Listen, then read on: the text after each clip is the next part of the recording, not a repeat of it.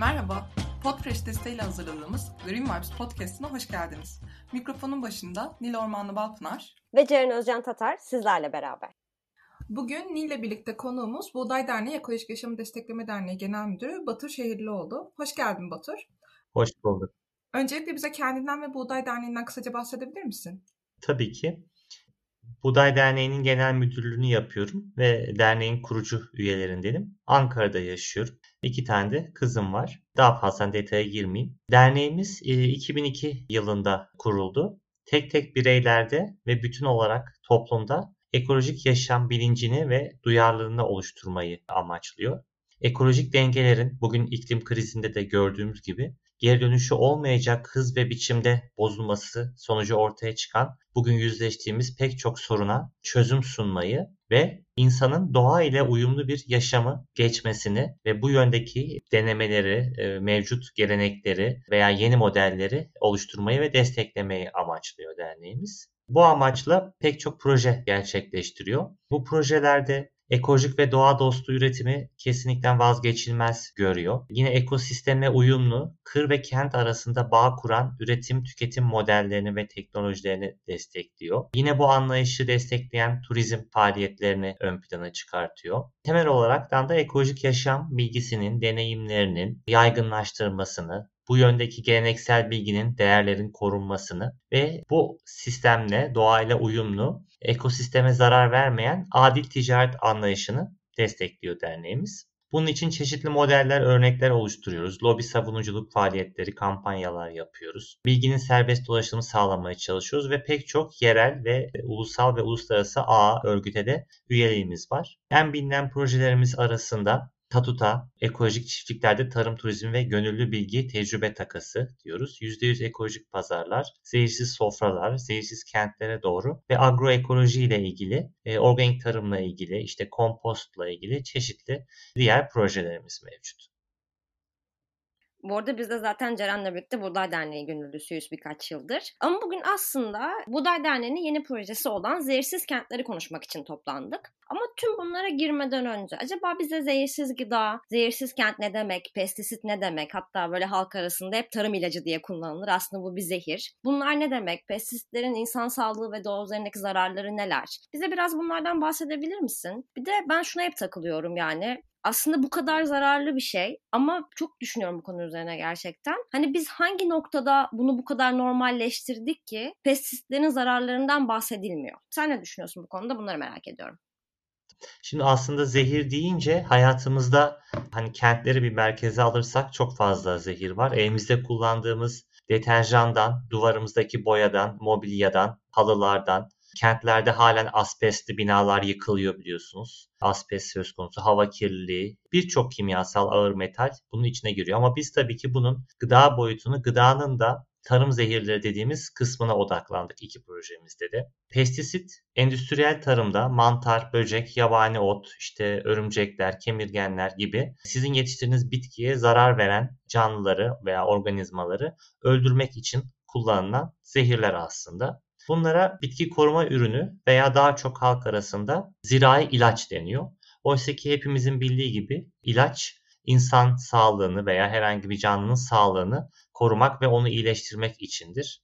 Oysa pestisitlerin, kullanılan pestisitlerin %90'dan çok azı hedef canlıya yani domates diyelim ki işte elma ağacı gidiyor. Çok büyük bir kısmı da doğaya karışıyor. %90 ve üstü kısmı doğaya, su kaynaklarını, toprağa, havaya, insanlara ve diğer biyoçeşitlilik e, içindeki tüm canlılara zarar veriyor. Ve zaten isit eki öldürmek anlamını taşıyor. Biliyorsunuz suicide İngilizce'de intihar, genocide soykırım demek. Aslında pestisitler doğada soykırım gerçekleştiriyorlar. Biyolojik çeşitliliğimize, su ekosistemine, toprak ekosistemine işte arılar çok popüler bu ara başta ama tüm böcekler, eklem bacaklılar ve memeli hayvanlar ve insana çok ciddi anlamda zarar veriyorlar.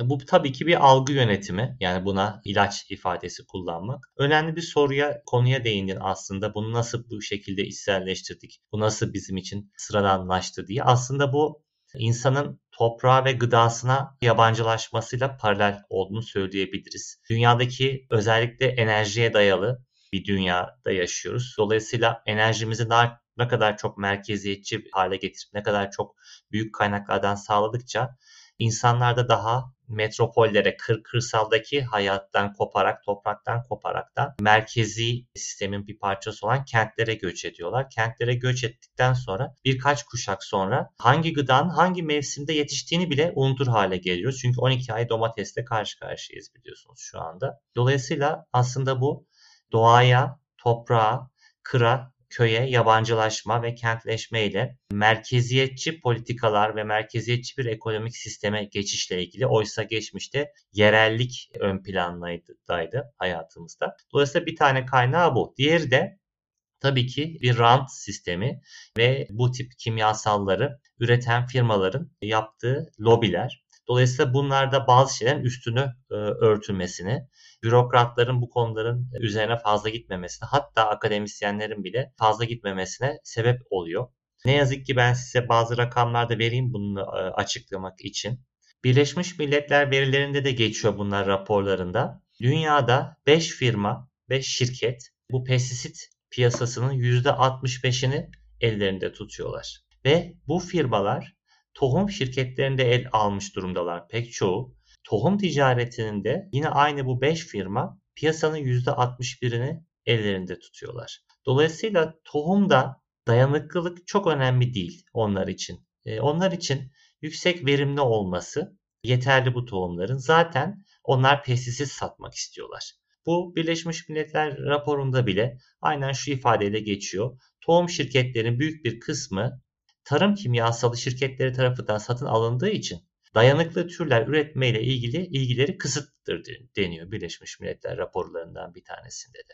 Dolayısıyla bu firmaların e, amacı mesela biliyorsunuz bu pestisitler ve tohumlar piyasaya sürüldüğü zaman ilk yıllarda işte bu 60'lı yıllar civarında aslında 50'lerde başlıyor çok daha önce ama 60 70 80'li yıllarda e, yeşil devrim adını verdiler ve dünyadaki açlık sorununa çare olacaklardı. Bu hibrit tohumlarla, daha sonra şimdi genetiği oynanmış tohumlarla ve bu pestisitlerle. Ama 2014'ten beri Birleşmiş Milletler FAO diyor ki 2014'ten beri dünyadaki açlık sorunu, yetersiz beslenme sorunu tekrar tırmanışa geçti. Çünkü açlık ve yetersiz beslenme ile ilgili temel sorun gıda adaletiyle ilgili, gıdanın paylaşma, paylaşılmasıyla ilgili. Tarım zehirlerine dayalı tarım sistemi bugün çöküyor. Neden çöküyor? Bunu bütün ziraat mühendisleri, bu işin bilimini yapan insanlar farkındalar. İki sebeple çekiyor. Bir, siz bu zehirleri kullandığınız zaman doğanın içindeki dengeyi bozuyorsunuz. En basit örnek verirseniz verirsek kurdu, kurtları yok edersek işte bugün olduğu gibi domuz azıyor. Yılanları, baykuşları yok edersek fareler azalıyor. En basit örnekten vermek gerekirse. Doğanın içinde bu zararlılarla beslenen türlere daha çok etkiliyor bu pestisitler. Ve dolayısıyla zararlıdan çok bu faydalı canlıları, avcı böcekleri, kuşları vesaire öldürüyorlar. Bu birinci sebebi. İkinci sebebi bu hastalık etmenleri yani virüs ve bakterilerden tutup böceklere ve diğer canlılara kadar bitkiye, domatese zarar veren bunlar çok hızlı üreyip çok kolay direnç geliştiriyorlar. Yani bağışıklık sistemlerini geliştiriyorlar, dirençli türler üretiyorlar ve sizin zehirleriniz artık bunları etki etmez hale geliyor.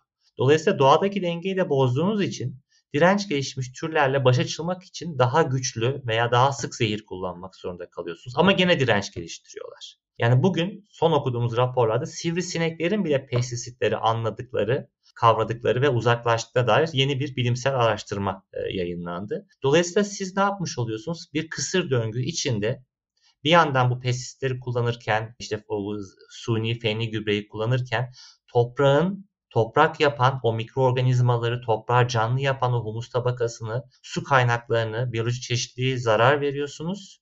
Hem de buna çözüm olamıyorsunuz ve yine Birleşmiş Milletler raporlarında pestisitlerin son 40 yılda verim artışında ciddi bir başarı sağlayamadığı belirtiliyor. Pestisitler kısa vadede verim artışı sağlamakla birlikte uzun vadede sürdürülebilir bir tarım sistemi ve verim artışı sağlayamıyor.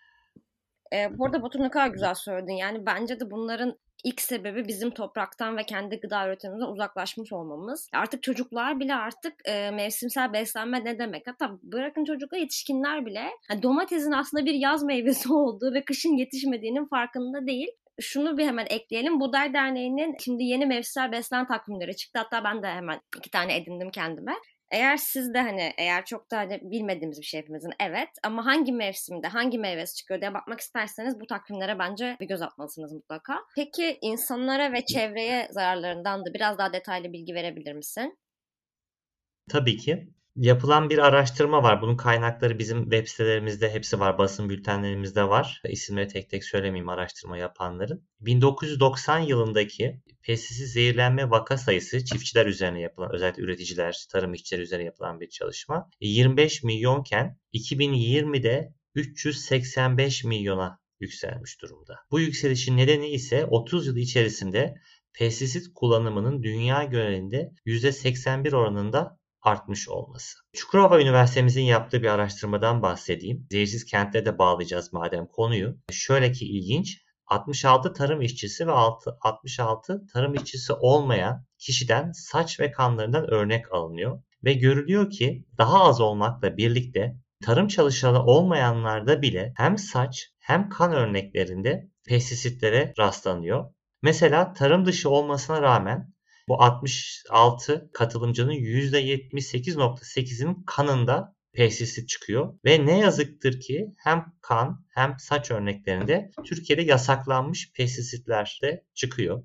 Tarım Bakanlığı özellikle Avrupa süreci, Birliği sürecinde etkisiyle 2020 yılı sonunda 200'ün üzerinde pestisit etken maddesi, aktif maddesini yasaklamış durumda. Peki Tarım Bakanlığı'nın kendisi yasaklama gerekçelerini nasıl açıklıyor? Kendi yazdığı, gönderdiği belgelerde. İnsan sağlığına olumsuz etkileri diyor. Genotoksik diyor. Bunun altını çizmek istiyorum. Bugün pek çok araştırma gösteriyor ki artık biz genetik yap genetik olaraktan bir sonraki kuşağa bile bu pestisitlerin zararlarını aktarabiliyoruz. Gen yapımıza, hücre yapımıza etki ediyor bu pestisitler. Nörotoksik yani sinir sistemimize zarar veriyor. Ne yazık ki özellikle de çocuklarımızda gelişim bozukluklarına ciddi anlamda sebep oluyorlar. İşte IQ vesaire gibi. Kanserojenik Zaten bunu hepimiz çok net biliyoruz. Yani bugün pestisitlerin pek çok kanser çeşidine, türüne ciddi anlamda etkisi olduğunu. Ayrıca üreme için toksik ve hormon sistemimize zarar veriyor. Hormon sisteminin özellikle üstünde durmak gerekiyor. Çünkü genelde bu kimyasallar pestisitler için bir alt limit tanımlanıyor. Diyorlar ki şu limitin altında kullanılırsa veya işte domatesle, brokoli şu limitin altında çıkarsa bunun insan sağlığına zararı yoktur deniyor. Bugün bilim bunu yıktı. En azından üreme sistemimizi ve genel anlamda hormon sistemimizi bozan aktif maddeler için bilimsel anlamda bu yıkılmış durumda. Bununla ilgili yüzlerce araştırma var. Çok küçük dozlarda bile ne yazık ki bizim hormon sistemimizi etkileyerekten gelişimimizi ve hormonlara bağlı pek çok sağlık sorununa bu kimyasallar sebep olmakta. Tarım Bakanlığı ne demiş başka yasaklama sebebi olaraktan? Toprakta kalıcılıkları, yeraltı sularını kirletmeleri, arılara, balıklara ve memelilere riskleri. Ayrıca uygulayıcılar, işçiler ve uygulama alanında yakınında bulunan kişiler için oluşturduğu riskin yüksek olması ve metabolitlerinin yeraltı sularına geçmesi ve kirlenmesi. Nedir metabolit? Bu ürünlere, pestisitlere ruhsat verirken o pestisitin içindeki aktif maddeyi aynı eczaneden aldığımız e, antibiyotikte bir aktif madde yazar ya kutunun üzerinde öyle düşünün. Bu aktif maddeye göre ruhsatlandırılıyor. Oysa bunlar kullanıldıktan sonra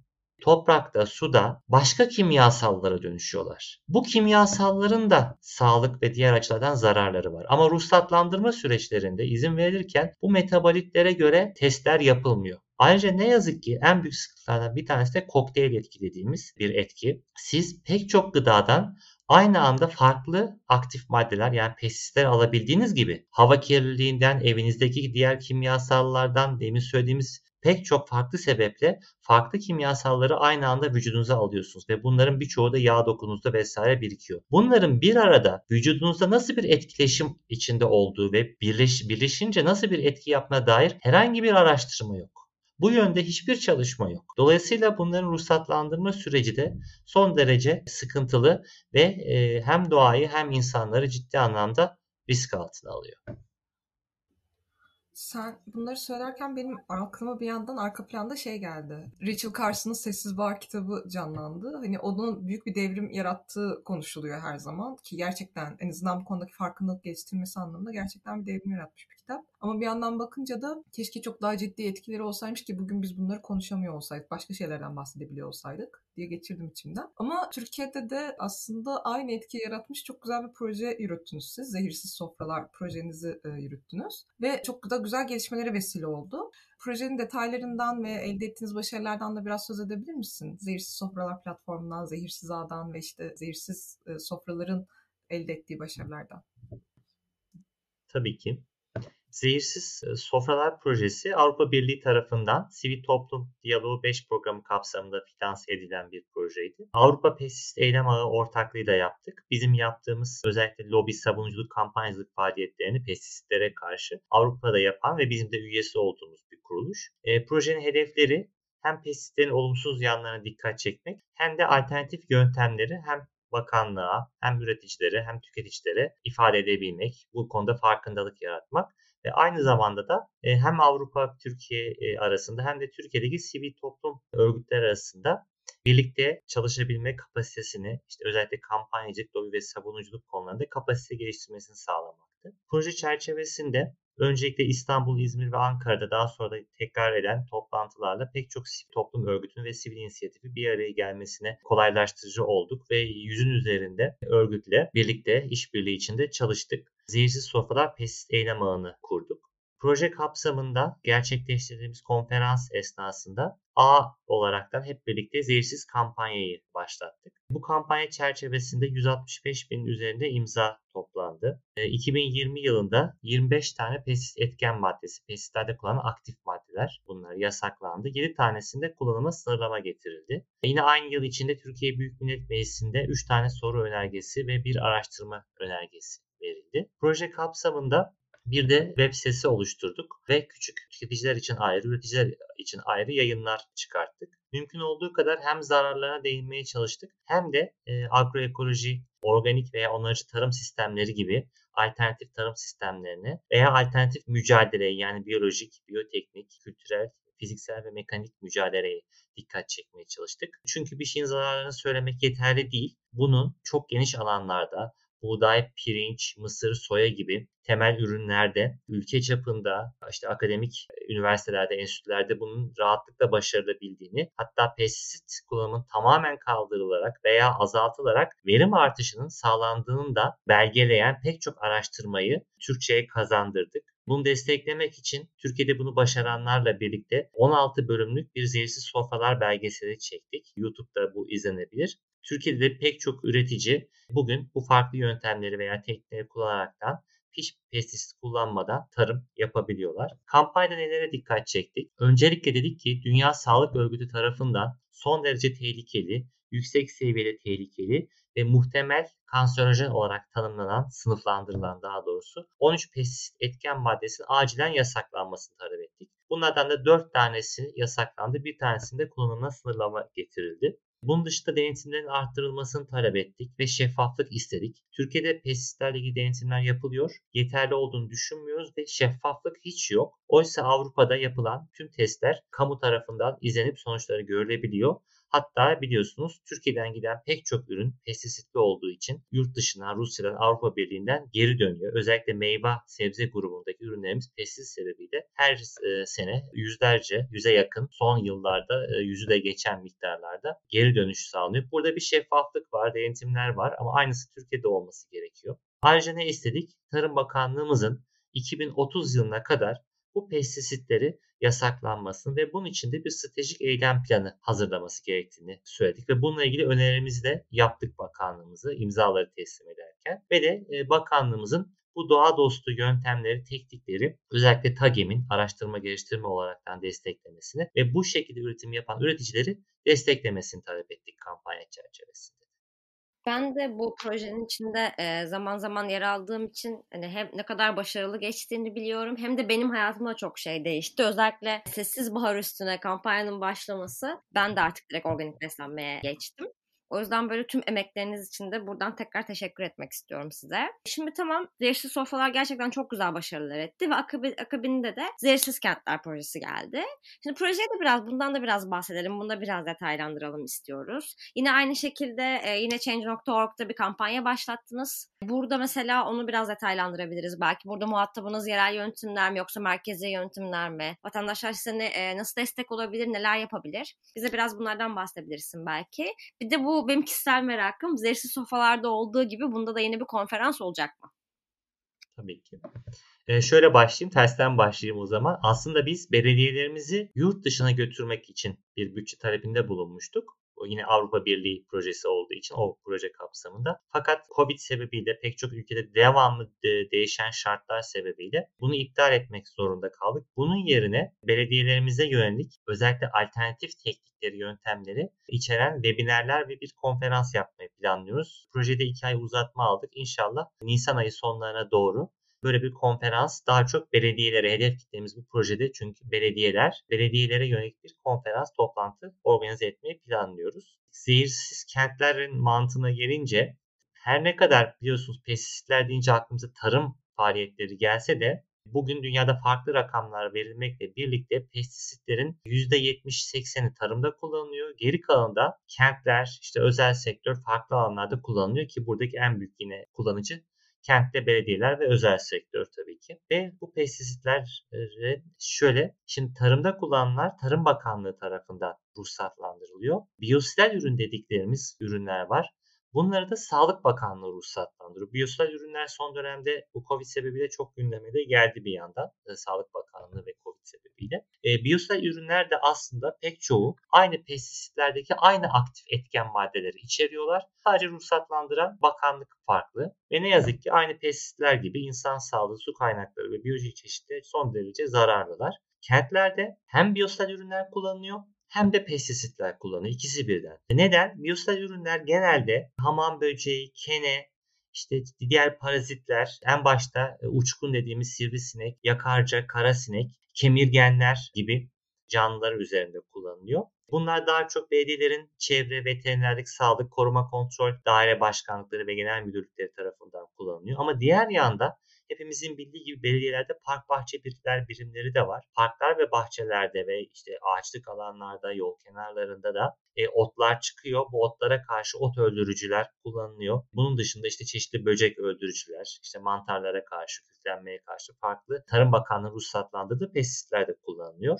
Aklınıza gelecek her yerde bir AVM'ye gidiyorsunuz. Onun bahçesinde, içinde bir yemek yenilen tesiste, çöp alanlarında, sokaktaki ağaçlar, mezarlıklar, yol kenarları, kaldırımlar, bütün o refuj alanları, yoncalar yani çim ekilen her yerde diyebilirim. Okul kampüsleri, üniversite kampüsleri, spor tesisleri, golf kulüplerini düşünün. Bütün ibadethaneler, ne yazık ki okullar, ve tabii ki özel sektörde kent çevresinde endüstriyel tesislerde ve her türlü binada bunlar kullanılıyor. Hatta apartmanlarımızda, sitelerimizde çoğu zaman duyuyorsunuz işte fare veya çeşitli böceklere karşı e, hamam böceğine karşı kullanılabiliyor veya oturduğumuz sitenin bahçesinde yine çocuklarımızın oynadığı alanlarda bu pestisitler kullanılabiliyor. Bunu bu kadar anlatmak istedim çünkü neredeyse kentte özellikle bahar ve yaz aylarında bu pestisitlere ciddi anlamda maruz kalıyoruz ve bunlar çocuklarımız için büyük bir tehlike. Kentlerde yapılan araştırmalar son derece sınırlı ve yeni yeni. Örneğin 2016'da İngiltere'de kentlerinde yürütülen çalışmada 38 farklı pestisit aktif maddesi tespit edilmiş. Son çalışma bununla ilgili olaraktan 2018'de İtalya'da Güney Tirol'de yapılıyor. 19 çocuk oyun alanı, 4 okul bahçesi, bir de pazar yerinden 96 çim örneği alınıyor ve 32 farklı pestisit aktif maddesi tespit ediliyor ve bunların %76'sı hormon sistemimizi bozan kimyasallar. Bir önceki sorumuzda biliyorsunuz ben cevaplarken bu hormon sistemimizi bozan e, pestisitler için bir alt limit olamayacağından bahsetmiştim. Düşük düşey düzeyde de kalsa bunlar bizleri etkiliyor. Ayrıca büyüme çoğunda olan canlılar, bebekler, çocuklar, ana karnındaki bebekler bunlardan çok daha fazla etkileniyorlar. Çünkü onlar bizden daha hızlı soğuyor, derileri daha ince, metabolizmaları çok daha hızlı çalışıyor. Daha zeminde hareket ediyorlar bizlere göre. Pek çok farklı sebeple çocuklarımız bundan daha çok etkileniyor ve ne yazık ki bugün omurilik sıvısında, kordon bağında, bebeklerin yeni doğmuş bebeğin dışkısında anne sütünde bile bu pestisit aktif maddelerine karşılaşılıyor. Bir başka araştırma Amerika Birleşik Devletleri'nde okullardan sadece okullarda yapılan bir çalışmada tespit edilen 40 pestisitin 28'i muhtemel veya olası kanserojen, 26'sı üreme sistemini e, etkilediği, 26'sının sinir sistemini, 13'ünde doğum kusuruna neden olabildiğini tespit etmişler. UNICEF'in bir raporunda Ulusal Araştırma Konseyi'ne dayandırılarak verilen bir çalışmada pestisitlerin değil aslında tüm kimyasalların çocuklar üzerinde erişkinlere göre 10 kata kadar daha zararlı olabileceğinden bahsediliyor. Peki biz proje kapsamında ne yaptık şu ana kadar? Proje kapsamında önce bir anket düzenledik. Belediyelerimize gittik, kapılarını çaldık ve zararla mücadelesinde Türkiye'deki belediyenin mevcut durumunu tespit etmek için bir anket düzenledik. Bu anketin de bir raporunu yayınladık. Ve şunu gördük, belediyelerimiz alternatifler konusunda küçük küçük adım atmaya başlamışlar. Bunun öneminin farkındalar. Biyoloji çeşitliliği ve insan sağlığına verilen zararın farkındalar. Ama alternatif teknik uygulamalara ulaşma şartları ya yok ya da yeni yeni adım atıyorlar. Çünkü bazı mekanik ve fiziksel yöntemler için tabii teknoloji altyapısı ve Türkiye'de üretilmesi lazım. Bunlar henüz yok. Ama bir yandan da pek çok belediyemizin örneğin sivrisineklere karşı zehir sıkmak yerine aynı organik tarımdaki mantıkta olduğu gibi bu sivrisineklerin larvalarına zarar veren bakteriler kullanmaya başlamışlar ki bu çok verimli ve dünyada çok kullanılan bir yöntem. Veya balıklar yine bu larvaları, sivrisinek larvaları yiyen balıkları e, kullanmaya başlamışlar Türkiye'de. Bunun yaygınlaşması çok önemli. Projenin de amaçlarından bir tanesi bu. Senin de bahsettiğin gibi bir kampanyada başlattık. Yine bu projede de kurduğumuz, birlikte kurduğumuz zehirsiz sofralar ağından sonra bir de zehirsiz sofralar platformu kurduk. Platform daha geniş çerçevede gıda güvenliğini amaçlayan bir platform. Platform olaraktan da bir kampanya başlattık. Bu kampanyada da amacımız konuya dikkat çekmenin yanında belediyelerimizden taahhüt almak. Bu taahhütün kapsamında belediyelerimizden istiyoruz ki öncelikli olaraktan sonuçta bir meclisleri var, kent konseyleri var. Bir stratejik plan hazırlasınlar bu stratejik plan kapsamında peyderpey yani kademeli olaraktan bu pestisitleri bırakmak için çalışmaları başlatsınlar bugünden. Hedefi 2030 olur, 2040 olabilir. Biz istedik ki 2025 yılında öncelikle en tehlikeli olan ot zehirleriyle başlayaraktan bıraksınlar. 2030 yılında tüm pestisitleri ve biyosel ürünleri %50 azaltsınlar. 2040 yılında da tamamen kaldırmayı hedeflesinler istedik. Bu yönde de bir kampanya başlattık. Ee, yine Change.org'da zehirsiz kentler için harekete genç dediğimiz zaman dediğiniz zaman bu kampanyanın sayfasına ulaşabilirsiniz. Ayrıca il bazında da zehirsiz İstanbul istiyoruz, zehirsiz Ankara istiyoruz şeklinde bazı büyük şehirlerimiz için kampanyalar açtık. Halkımız hem kent konseyleri üzerinden hem de e, belediyeleri üzerinden taleplerini iletebilirler belediyeleri, kampanyayı yaygınlaştırabilirler. Kampanya çerçevesinde oluşturduğumuz bir dilekçe örneği var. Bu dilekçenin benzerini e, hazırlayaraktan belediyenin ilgili birimlerine, belediye başkanlığına veya işte belediyenin internet sitesinde bazı özel telefon veya internet iletişim bilgileri oluyor. Buralara bu dilekçeleri ulaştırabilirler. E, henüz kampanyada beklediğimiz imzaya ulaşmış değiliz. İnşallah bu kampanyada 100 binlere yaklaşırız diye ümit ediyoruz ama şu anda 15 binler civarında 15 bine yaklaştık. Bu konuda da halkımızın bizi dinleyenlerin desteğini rica ediyoruz. Ben aslında önceden planladığımız planın biraz dışına çıkıp şeyi sormak istiyorum.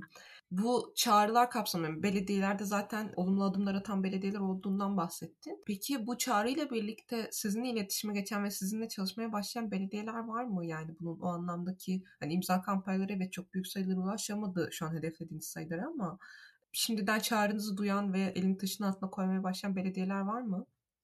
Belediyelere ulaşmak ve belediyelerden bir izni almak çok meşakkatli bir iş. Belediyelere çalışan pek çok kişi ve sivil toplum örgütü bilir. Sonuçta bu başkana ve meclise kadar gider. Dolayısıyla ilgili müdür, müdürlüklere biz bugüne kadar tabii ki ilgili müdürlüklerle, daire başkanlıklarıyla muhatap olduğumuz için onların yetki sınırlarını aşıyor bu konuda karar vermek. Dolayısıyla başkanlara ulaşılması gerekiyor. Bununla ilgili de zaten e, proje asistanımız bir fiil çalışıyor. Şu ana kadar Kastamonu Belediyesi bir açıklamada hatta iki kez açıklamada bulundu ama henüz başkanına ulaşamadık. Zehirsiz kent olma yolunda açıklamaları var. Pek çok büyük şehirde ulaşmaya çalışıyoruz. Çünkü vektörle mücadele yani zararlarla mücadele daha çok büyükşehir belediyeleri tarafından yapılan ama henüz bunu açıklayan bir belediye olmadı. Ama biz aynı zehirsiz sofralarda olduğu gibi bunu uzun vadeli olaraktan görüyoruz. Önümüzde seçim dönemi var. Nasıl zehirsiz sofraları bırakmadıysak zehirsiz kentlerle ilgili çalışmalarımızı da bırakmayacağız. Zaten hedeflerimiz de proje süresinde bir belediyenin imzalamasını bu yönde başarı kararlı olmasını çok beklemiyoruz. Bunun yıllara yayılacağını düşünmüştük biz de. Belediye seçimlerine doğru daha da bu konuda baskıcı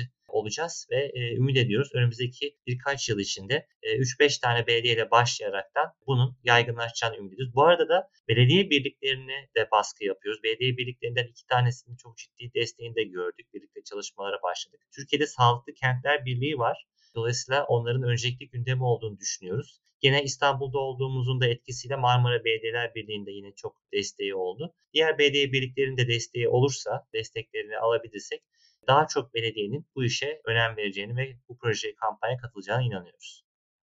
Çok teşekkürler. Son olarak ben şey de sormak istiyorum. Zehirsiz gıdadan ve kentlerden bahsettik. Bize en çok gelen sorulardan bir tanesi zehirsiz gıdaya nasıl ulaşabiliriz? Sen azıcık değindin böyle işte %100 ekolojik pazarlar diye bir başlığından bahsettin ama zehirsiz gıdaya nasıl ulaşabiliriz? Bir gıdanın organik olup olmadığını nasıl anlayabiliriz ve nereye dikkat etmeliyiz? Konusunda senden bilgiler edinmek isteriz. Tabii ki temel olarak bu konuda biz Buğday Derneği olarak da belli bir sıralamamız var. Tabii ki her zaman için e, öncelikle kendimiz yetiştirebiliyorsak, bir bahçemiz, bir ortamız, e, kırla köyle bağımız kopmadıysa birinci tercihimiz tabii ki bu. Biliyorsunuz kent bahçeciliği, işte bostanlar, ondan sonra işte hobi bahçeciliği gibi teraslarda, balkonda farklı bahçecilik yöntemleri de gelişmeye başladı. Kent bostanlarının gelişmesi bu anlamda çok önemli bir yandan. Türkiye'de yavaş yavaş yaygınlaşan organik pazarlar var. Büyük kentlerde özellikle işte Kayseri'de dönemsel olarak açıldığı gibi işte İzmit, İstanbul, Ankara pek çok ilde düzenli olaraktan kurulan organik pazarlar var. Gene bir pek çok doğa dostu üretim yapan üretici var. Bu üreticilerin internet siteleri olabiliyor veya telefonla internette ulaşılabiliyor bu üreticilere ve bu üreticilerden işte kutu projeleri olabiliyor. Evlere servis yapabilenler olabiliyor, ürünlerini gönderebilenler oluyor. Bunun dışında iki temel alternatif e, öneriyoruz biz halkımıza. Bir tanesi iki farklı kavram var. Onu şöyle açıklayayım. Bir tanesi toplum destekli tarım. Toplum destekli tarımda ama bir tüketici kooperatifi ama bir gıda topluluğu olarak da e, örgütlenebiliriz. İşte ama sivil toplum örgütü ama şirkette ama komşularla mahallede bir arkadaş grubunda. Burada amaç ne? Siz belirli kriterlerde üretim, ürün tüketmek istiyorsunuz ve bu kriterlere yönelik üretim yapan kişilere ihtiyacınız var, üreticilere ihtiyacınız var. Dolayısıyla kendi üreticilerinizi buluyorsunuz ve onları kendi istediğiniz standartlarda üretmesi için ama tohum, ama sera yapması, yani hem girdi anlamında tarımsal girdi hem de atıyorum işte serasını yapması istiyorsunuz. Kışında yeşillik istiyorsanız. İşte alternatif olarak ne kullanacak tarımsal mücadelede? Bu konularda işte kompost yapma konusunda olsun. Hem bilgi anlamında hem de maddi anlamda üreticileri e, desteklemek gerekiyor. İşte buna biz toplum destekli tarım diyoruz. Bu desteğin bir mantığı da aynı zamanda geri değil, aynı zamanda alım garantisi de verebilirsiniz. Yani üreticilere aynı zamanda tüketim kooperatif ve gıda topluluğu olarak da ürünlerini alma garantisi veriyorsunuz. Türkiye'de çok ciddi anlamda gıda toplulukları ve tüketici kooperatifleri hareketi gelişmekte. Özellikle İzmir, İstanbul ve Ankara başta ama Antalya, Güney illerimizde, İç Anadolu farklı bölgelerinde çeşitli çalışmalar yapılıyor. Çeşitli gıda toplulukları kuruluyor. İkinci kavram da bununla ilgili olarak da KOS diyoruz biz buna. Katılımcı onay sistemleri. Bu kooperatifi veya gıda topluluklarını kuranlar kendi sistemlerine yani organik tarım nasıl bir sistemse kendi kurallarını koyuyorlar. Bunun içine adil ticarete koyabiliriz, ekolojik üretimi de koyabiliriz, yerelliği de koyabiliriz. Yerelde tüketmek, işte karbon ayak izinin az olması. Küçük ölçekli üreticilere, markete veya başka alanlara ürün verem kapasitesi olmayan küçük ölçekli üreticiyi desteklemeyi de koyabiliriz. Bu tip kriterleri belirledikten sonra bu sistem için kendiniz bir denetim sistemi de koyabilirsiniz, koymayabilirsiniz. Bu size kalmış. Bu şekilde üretim yapan veya işte topluluk kuran pek çok kişi var. Sosyal medyadan, web sitelerinden, Google'dan tarama yaparaktan ve Buğday Derneği'nin de bir web sitesi var. Burada biz güncelleme yapıyoruz. gıdatoplulukları.org adresinden de hem bu kavramlara ve bir topluluk nasıl kurulur, bunlar nasıl işliyor hem de Türkiye'deki mevcut gruplara e, ulaşabilirsiniz. Temelde de bunların dışında da Hani çiftçi pazarları var biliyorsunuz pek çok bölgede özellikle sahil kesimlerimizde Karadeniz, Marmara, Ege ve Akdeniz bölgelerinde. Burada tanıdıkları ve güvendikleri üreticilerden ürün alabilir ama şu kavram yanlış. İşte bu üretici pazarıdır, köylü pazarıdır. Buradaki teyze, abla işte çok az ürün getiriyor zaten ya da şöyle yapıyor. Bu da bunlarda pestisit kullanılmıyordur. Olayı bitti Türkiye'de artık yani her yerde pestisitler işte bu hibrit tohumlar fenli gübre girdi. Dolayısıyla o üreticiyi tanıyor ve biliyor ve güveniyorsanız tabii ki o üreticileri tercih edebilirsiniz. Ya bu tür o kadar güzel anlatıyorsun her şeyi. Bence dinleyicilerimiz de bu konuyla ilgili kesinlikle çok daha fazla bilgi almak isteyeceklerdir. Daha fazla araştırma yapmak isteyeceklerdir. Sen nerelere bakmalarını önerirsin ya da e, biz zaten açıklamalara gerekli linkleri koyarız kampanyaların, bu üretici tüketici rehberlerin ama daha fazla bilgi almak isteyenler e, size nereden ulaşabilir? Ya da böyle önereceğin web siteleri var mıdır? İşte dediğim gibi pek çok web sitesi var aslında ama ben onları hepsini ezbere bilmiyorum. O yüzden gıda toplulukları.org. Orada diğer bu konuda çalışan sivil toplum örgütleri ve sivil inisiyatiflere ulaşabilirler. Ekolojikpazarlar.org sitemiz var. Ekolojik pazarlarla ilgili olaraktan. Tatuta projemizin web sitesine bakabilirler. Burada farklı işte permakültür olsun, doğa dostu tarım olsun, ekolojik üretim olsun. Üreten pek çok üreticiyi tanıyabilirler. Zehirsizsofralar.org ve Zehirsiz Kentler web sitelerimizde açıldı. Buralardan da temel bilgileri alabilirler. Zaten sosyal medyadan ve internetten tarama yaparaktan da pek çok konuda çalışan sivil topluluklara veya gıda topluluklarına ulaşabilirler. Dediğim gibi gıda toplulukları.org üzerinden. Ha bir de eko harita var aklıma gelmişken. Eko harita üzerinden de ulaşabilirler pek çok yere. Gerçekten çok ama çok teşekkür ediyoruz. Yani bence hem bizim için hem de tüm dinleyenlerimiz için çok verimli ve çok bilgi verici bir yayın oldu. Zaten dediğim gibi linklerin hepsini açıklama kısmına koyarız daha fazla bilgi almak isteyenler için. Biz de hatta böyle sessiz barı da önermiş olalım tekrar. Ki daha fazla sessiz barı e, bir önceki yayınımızda, işte kütüphane yayınımızda detaylıca incelemiştik. Onu da dinleyebilirsiniz. E, tekrar çok teşekkür ediyoruz Batur. Ellerine ağzına sağlık. Umuyoruz ki en kısa zamanda çok daha zehirsiz gıdaya ulaşım kolaylaşır. Zehirsiz kentlere de bizim ulaşımımız kolaylaşır. Tekrar çok teşekkür ediyoruz. İyi ki geldin. Ben de sizlere teşekkür ederim konuyu gündeminize aldığınız için. O zaman doğa dostunuz, Green Vibes'ınız bol olsun. Herkese iyi günler diliyoruz. Görüşmek üzere.